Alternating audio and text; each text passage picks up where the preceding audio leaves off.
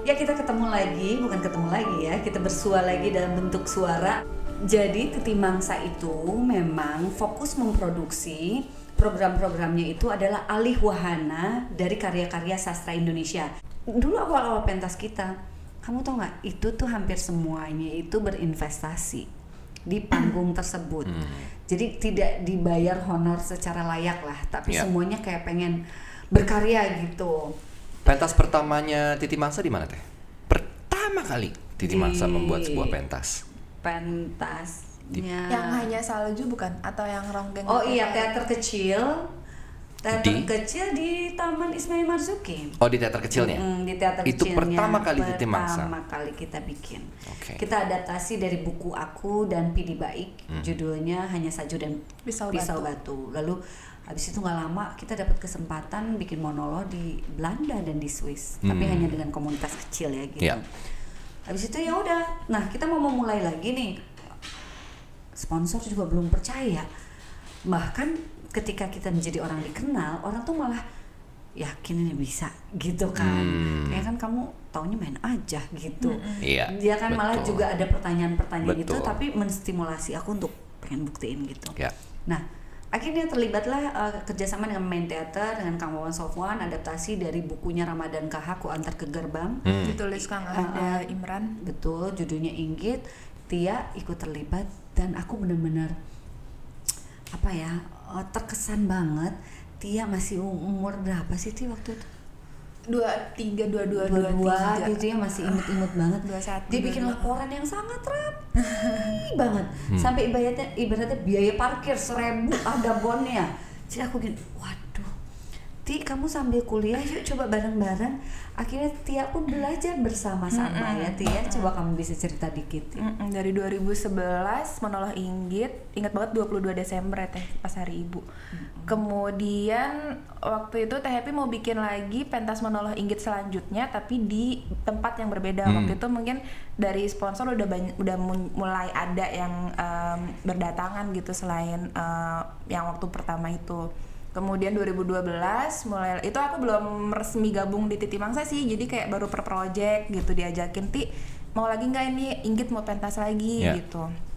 Jadi dari 2011 itu aku khusus ngerjain monolog Inggit sampai resmi itu 2013 aku baru ti udah kamu kerja aja di sini karena aku lulus lulus kuliah tuh 2013 Eh, lulus kuliah diajakin udah kamu mulai in house aja di Titi Mangsa. Oh oke deh kalau gitu karena kan aku juga nggak ada eh, pekerjaan lain. Kemudian tapi itu menolong Inggit tuh masih dikerjain kita sampai 14 kali pentas kalau nggak salah menolong Inggit itu 14 di ya. berbagai tempat yang berbeda gitu ya. Uh, keliling- Dengan gedung macam-macam. dengan macam-macam gedung. Ada yang beneran gedung pertunjukan ada yang cuman aula kampus ada yang ah pokoknya pernah aneh-aneh deh. nggak? Pernah nggak kamu mentas hujan gede deh. iya. Jadi aku ngomong kedengeran aku tuh tuk tuk tuk tuk Di atapnya. di atap itu wah udah pokoknya Itu- dari gedung yang bagus sampai ke bobrok sampai nggak ada nggak ada sama sekali fasilitas apa pun yang bener-bener kita bangun semua dari awal gitu itu dan 2013 mulai in house baru dia ngerjain uh, project-project yang lain ya teh ya. dari mulai waktu itu bikin buku uh, apa biografi kreatif itu yang desak nyaman Suwarti tentang perhiasan Tentang- motif. Oh iya ya, aku tak aku ada Uh-uh. bukunya. Itu itu Titi Mangsa juga yang publish atau gimana? Iya. Pa- jadi publishing company juga Iya. Iya. sampai sekarang. Iya, kalau kamu mau kita ada izinnya. Oke. Sebetulnya kan karena tepat pada waktunya itu gitu kayak karena saya terinspirasi dari beliau bagaimana mempertahankan motif. Gila motif perhiasan kita kan banyak banget. Iya. Gimana kalau dibukuin? Waduh, kita bertahun-tahun ngerjain ya.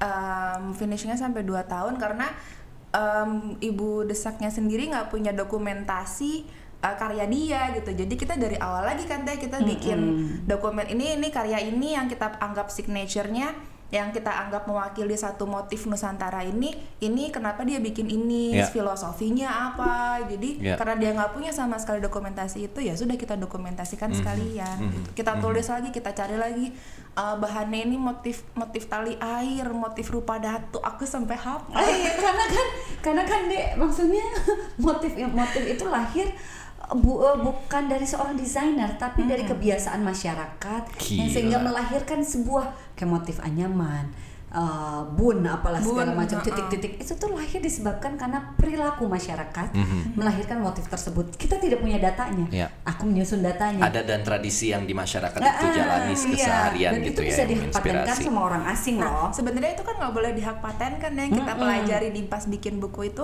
motif Nusantara itu nggak boleh dihak patenkan karena eh, memang itu kekayaan milik Nusantara Iya. sudah gitu. Nah, sedangkan ada pihak asing yang menghak patenkan di Amerika di Amerika. Hmm. jadi dia mendapatkan keuntungan yang besar. Anyway, singkat cerita, Iya.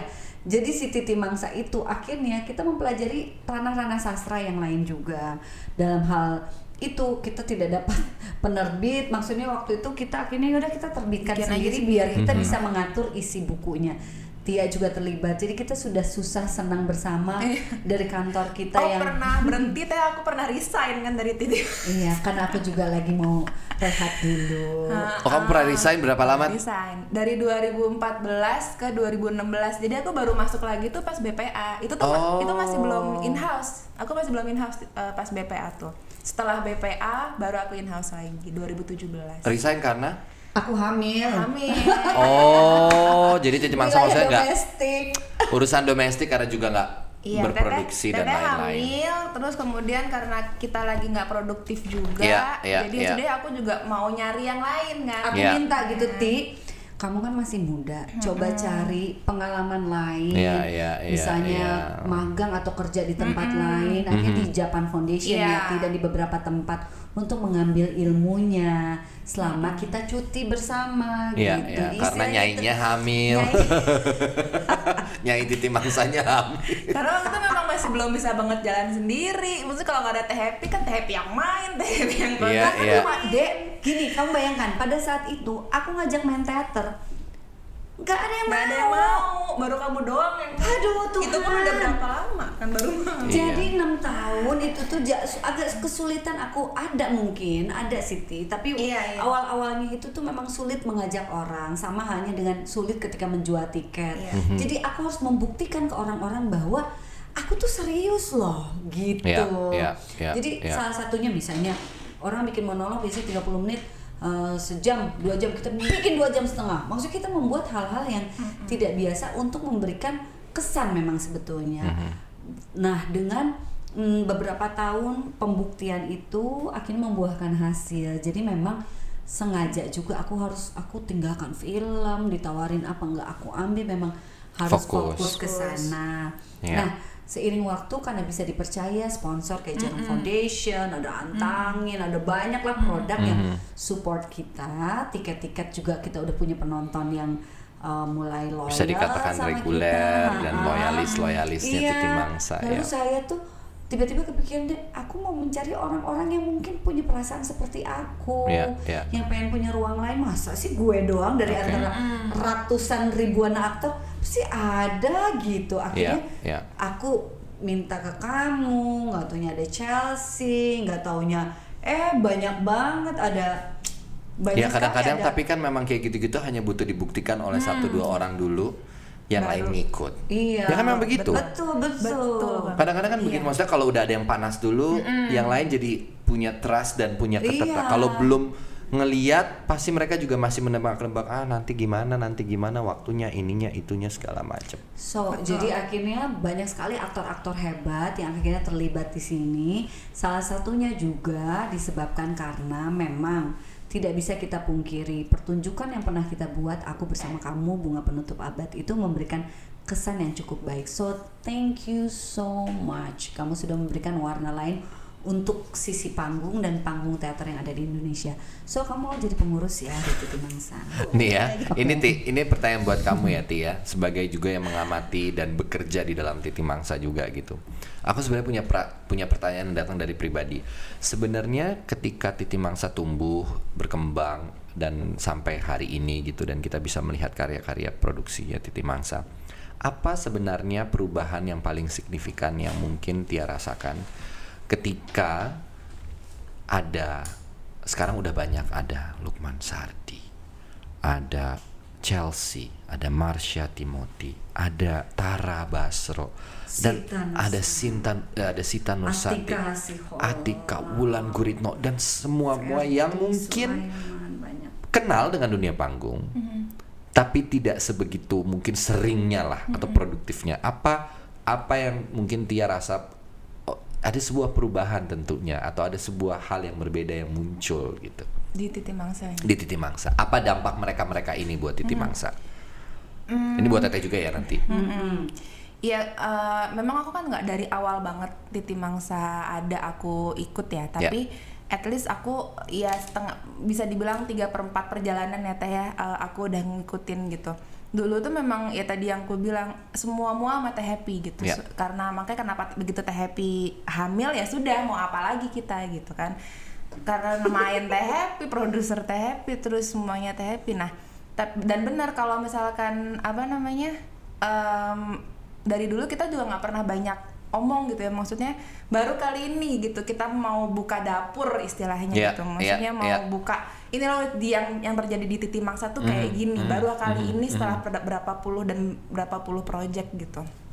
Dan em, apa namanya yang aku rasain sendiri setelah setelah beberapa tahun ini em, terlibat gitu ya dalam dalamannya Titi Mangsa dari secara organisasi juga kita nggak banyak berubah sebetulnya karena dari dulu sampai hari ini tetap yang megang core-nya itu ya aku dan Teteh aja gitu Iya, kan iya, misalnya iya. cuman berdua tapi memang mungkin kami udah terlalu nyaman kali ya Teh maksudnya sama lain. satu sama lain Mhm. udah udah ngerti jelek-jeleknya maksudnya udah ngerti kalau aku nggak balas WhatsApp berarti lagi ngapain gitu kan. Kalau Sehilang aku loh sebulan. ngilang berarti lagi gimana gitu kan maksudnya udah ngerti-ngerti kayak gitu jadi kita udah nyaman untuk em, oke eh, ke depannya gini gini gini gini kita udah nggak banyak omong gitu ya teh ya. maksudnya oke udah ngerti eh, satu sama lainnya nggak usah banyak omong kayak gini jadi begitu kita harus expand keluar juga udah nggak ada eh, banyak perdebatan ngelihatnya eh, udah satu visi lah istilahnya kayak gitu Mhm. gitu jadi sekarang begitu ngelihat ada banyak teman-teman dari yang lain yang eh, merasa Titi Mangsa adalah rumahnya ya aku sih seneng banget karena kita Yeah. kayak aku kayak berbagi rumah gitu kayak kayak eh, yang awalnya cuman berdua aja jadi lebih rame gitu kan dan jad- jadi banyak yang merasa memiliki ke Titi Mangsa itu berarti kan pro- eh, apa namanya sinyal untuk kita harus lebih lebih lagi dari sekarang gitu kan Iya. gitu dan, dan apa namanya em, mungkin kalau teman-teman aktor atau teman-teman artistik yang lain setiap pentas itu mungkin beda ya Ya pasti. karena kan eh, naskahnya beda tantangan panggungnya beda Hmm. tantangan tempatnya beda tapi sebetulnya kalau untuk orang produksi kayak aku orang manajemen pekerjaanku tuh sama dari Oke. satu pentas ke pentas lain itu pekerjaannya udah ada polanya Iya, gitu kan iya. harus kerjain proposal kerjain perizinan kerjain keuangan kerjain publikasi bla bla bla itu udah satu pola gitu Iya. Nah, dengan banyaknya orang lebih banyak lagi yang terlibat, aku justru jadi ada perbedaan dong di Mhm. situ gitu. Jadi lebih apa ya? Aku jadi lebih uh, nggak nggak monoton pada akhirnya Oke. gitu. Walaupun yang kami kerjakan adalah uh, pentas ke pentas, tapi karena yang terlibat beda lagi, yang yang yang teman-teman yang datang juga Berbeda-beda. jadi beda lagi. Jadi akunya juga jadi oh ada lagi nih yang baru nih apalagi nih Ya, gitu ya. dengan ide-ide yang lebih fresh gitu kan gitu. Oke, kalau Teteh? Makanya kamu jadi pengurus. Tetap loh. Teteh gimana teh? Ya, yang pasti gini deh. Awalnya karena kita produksinya awalnya skala kecil, uh, jarang-jarang misalnya pentasnya. Tentu yang terlibat kan jumlahnya sedikit. Mhm. Walaupun memang tim inti di dalam hanya aku dan Tia dan yang lain tuh lebih ke banyak um, cabutan lah istilahnya Ya, gitu. freelancernya per project, ya. Mhm. Karena kita juga nggak mau ngiket gitu Ya. ya. Mereka juga punya kegiatan yang lain. Uh, berasanya ada gini. Dulu itu kita banyak kolaboratif hanya misalnya dengan satu kelompok teater kayak main Oke. teater di Bandung. Hmm. Lalu semakin lama kita bekerja sama dengan teater satu Lampung. Lalu dengan perorangan seperti Mas Gunawan Marianto dari teater Ya, Garasi. ya. Ada juga yang dari teater Mandiri, ada juga yang dari teater Koma. Yang mereka semua guru-guruku yang juga aku ingin selalu belajar dan selalu punya kenangan baik dengan Mhm, mereka. Jadi mhm. intinya kita punya semakin keleluasaan dan keluasan untuk bekerja sama. Mhm. Contoh juga dulu sutradara kita sering dengan Kang Wawan Sofwan, dia udah jadi kayak bagian guru kita Ya. semua. Tapi akhirnya kita juga punya sutradara-sutradara lain yang kita semakin kaya. Ya. Gitu ada uh, Agus Nur, lalu Iswadi juga Pratama. Iswadi Pratama, lalu juga ada uh, Gunawan Marianto gitu. Jadi mm, bahkan kita membuat sebuah pertunjukan yang kolaboratif yang semua menyutradarai. Kayak Ya. kayak gitu deh. Jadi Oke. maksudnya sama lah seperti di film atau pekerjaan yang lain. Ketika market semakin luas, semakin banyak juga orang yang terlibat. Kamu bayangkan berapa banyak orang lulusan seni di Indonesia, Mhm. berapa banyak lulusan sastra, teater di Indonesia. Ketika mereka melakukan profesinya di bidang pilihannya mereka, aduh itu akan semakin blooming gitu. Mhm. Jadi aku berharap Titi Mangsa itu bi- memang ingin jadi rumah sebanyak-banyaknya orang uh, yang memang kita akhirnya belajar bersama. Belajar tuh kenapa kita bisa belajar? Satu karena ada ruangnya, kedua ada investor, Hmm. ketiga memang ada yang ingin kita sampaikan ya. Ya. Nah, semakin sering-sering-sering kita produksi, semakin banyak-banyak-banyak lagi yang bisa kita ajak. Oke. Ya Itu kan? harapannya. Tapi kalau perubahan yang Teteh rasakan sebagai Itu- yang empunya Titi Mangsa gimana? Sebetulnya harapan itu terjadi. Jadi sebetulnya saya sedang menjalani cita-cita saya dan mimpi. Oke. Jadi mimpi itu ternyata sedang kita jalani sekarang. Sekarang aku bekerja sama de- mau dengan apa ya Mas Iskandar Ludin atau uh, Kang Alan atau dengan Kang Apip dengan Priyatna ya atau sebanyak-banyaknya lagi uh, orang-orang kreatif yang bisa aku libatkan dan perubahan itu terasa setelah semakin banyaknya produksi dan semakin banyaknya lintas profesi. Iya. dari aktor film ke Pang, teater iya. dari orang teater bahkan ada yang ke panggung dari Iya. sinetron ke panggung bahkan ada yang memang punya profesi-profesi dia lawyer atau apa guru Iya. yang mereka akhirnya ke panggung juga Mhm. jadi makin kaya kita Iya. juga ada kelas acting kan yang Iya. mereka memberikan kesempatan kepada siapa pun untuk merasakan em, apa ya gairah gitu ya proses kreatif eh, yang tidak harus dia berprofesi sebagai aktor gitu. Oke. Mhm. Banyak ya kita ada Iya. berapa Iya. angkatan ya? Kelas acting itu sekarang baru dua angkatan berhenti karena kemarin pandemi. Iya. Em, seka, satu angkatannya sekitar 15 sampai 20 orang itu Berapa lama Ti mereka belajar? Ti? tiga bulan Tiga bulan. tiga bulan eh, setiap Sabtu dan Minggu gitu selama Oke. tiga bulan Kelasnya tiap Sabtu dan Minggu ya. Gemes banget deh. Jadi Banget. mereka itu tuh akhirnya ternyata banyak sekali setelah mengikuti proses itu mereka merasa saya itu dulu selalu kesulitan untuk uh, mengatakan ini kepada bos saya. Sekarang saya jadi mampu. Saya ternyata tahu bahwa pilihan hidup saya itu saya tuh ternyata memang sebenarnya adalah begini gitu. Jadi Menemukan sebetulnya dirinya ah, gitu jadi jadinya ya panggung itu tuh hanya sebagai hasil akhir tapi proses itu ternyata untuk pembentukan karakter. Beda mungkin kalau pertunjukan sekarang yang memang Online ya. online ya maksudnya ada di Iya. dokumen. Tapi kan dari dulu juga kita ada dokumentasi Iya, iya, tapi beda kan lah, Teh. ya maksudnya energi di panggung itu ya udah selesai gitu. Nah semakin banyak aktor-aktor atau orang populer yang mengetahui dan merasakan dampak itu akan semakin bagus. Secara karakter bagaimana karakter itu mempengaruhi banyak orang? Bahwa satu jangan segalanya itu demi konten gitu loh. Hmm. ngerti nggak? Aku sangat sangat em, tersentuh ketika kamu pernah mengucapkan sesuatu di dalam sebuah wawancaramu yang mengatakan bahwa tolong dong beri kesempatan orang-orang aktor-aktor yang punya kualitas bagus yang mungkin followersnya tidak banyak. Gitu. Itu kan ucapan kamu itu sedikit banyak memper, apa memperlihatkan karakter kamu yang mengatakan bahwa kualitas orang itu tidak ditentukan oleh image konten segalanya gitu loh. Atau popularitas. atau popularitas. Hmm. jadi maksudnya bukan berarti yang populer dia yang paling benar. Bukan berarti yang tidak populer dia tidak paling benar gitu. Iya. jadi hmm, semua itu sebetulnya ada takarannya. Jadi ketika populer ya oke enggak juga jangan sedih gitu. Iya, itu misiku juga ti. Di Titi Mangsa waktu itu- dari dulu yang aku pegang juga adalah aku tuh punya misi sebenarnya. Misinya adalah mudah-mudahan ada beberapa teman-teman juga yang merasa bahwa oh ternyata asik ya berproses, bisa gitu ti. Maksudnya uh, lo boleh besar di film atau apa pun, tapi Balik ke ternyata sini. balik ke sini lo akan menemukan sesuatu yang baru gitu. Sama itu yang orang- misi yang aku juga pingin bagi ke teman-teman yang lain gitu. Pula apalagi yang tentu yang generasinya mungkin di bawah kita kita yang lebih mu- muda dan millennials lah gitu ya.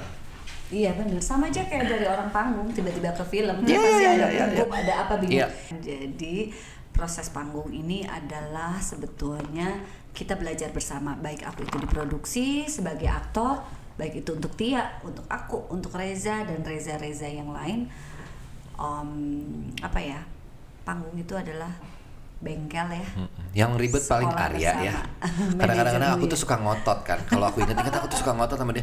Eh, gue mau latihan gitar. Eh, gue mau ini. Pokoknya di rumah, di rumah, di rumah deh. Kalau emang nggak bisa di mana anak, pokoknya anak mah pentas jenderal perang gitu dia ke mana pun hayu kan kalau anak ya. Ridi ke mana nemenin aku Ridi aku ingat banget waktu syuting Benyamin teh. Iya, Datang dong. sampai kamu jadi astaga. kumismu masih kumis Benyamin. banget. Aku begini, aduh gila ini. kayak cuma seminggu dua minggu sebelum setelah pentas eh setelah syuting dua minggu setelah syuting langsung pentas kan Iya dua minggu ya. Iya dua minggu. dua Iya minggu setelah syuting. itu baru langsung kita masuk intensif Dan itu udah pakai ketakutan ketakutan bisa apa enggak Tapi ya, panjang.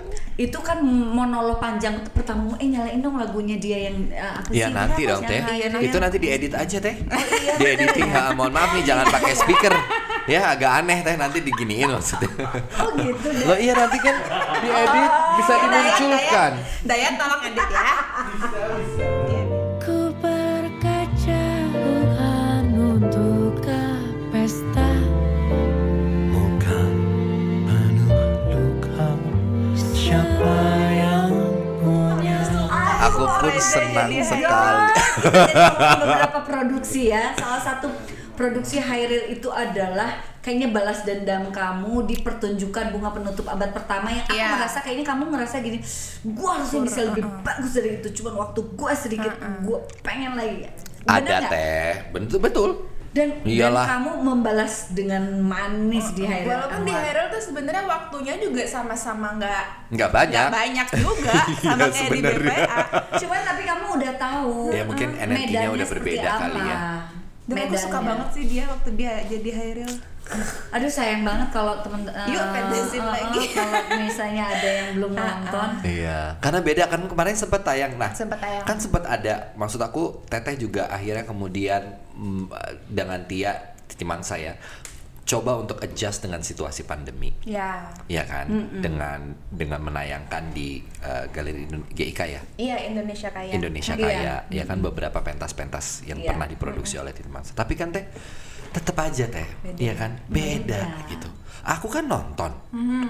beberapa pertunjukan-pertunjukan Iya beda, gitu rasanya tuh Energi beda. nonton langsung tuh tidak bisa tergantikan Betul.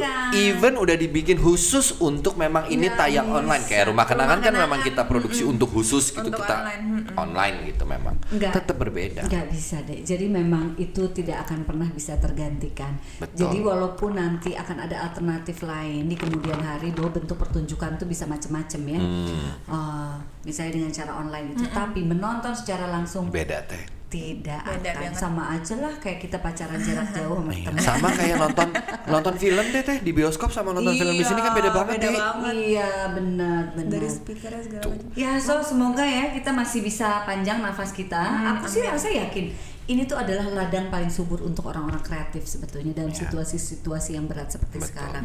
Buktinya t- kamu kebayang nggak 2020 itu adalah salah satu tahun terproduktifnya Titi, Titi Mangsa. Mangsa. Justru ya teh walaupun kita lagi pandemi, alhamdulillah kita sangat diberi banyak kesempatan gitu karena Banyak banget yang aku sama Titi Mangsa jadi 2020 ada sandiwara radio, ada rumah kenangan, dan gila. tadi sebelumnya kita ngobrol sambil ngeliatin poster gitu. Iya 2020 tuh perasaan heboh bener nggak ada nggak ada Banyak jeda, banget. nggak ada karena, karena jeda gini, sama sekali. kita kita tuh belajar juga dengan sistem pola kerja yang baru. Zaman dulu kan pentas abis itu selesai. Kok ini kan akan ditayangkan promonya jadi panjang. Kerjanya jadi terus Iya, udah artinya kali. adaptif ya. Ah, cepet ada- banget. Iya, tapi kita Titi Mangsa itu aku merasa aku juga bangga dengan teman-teman yang terlibat.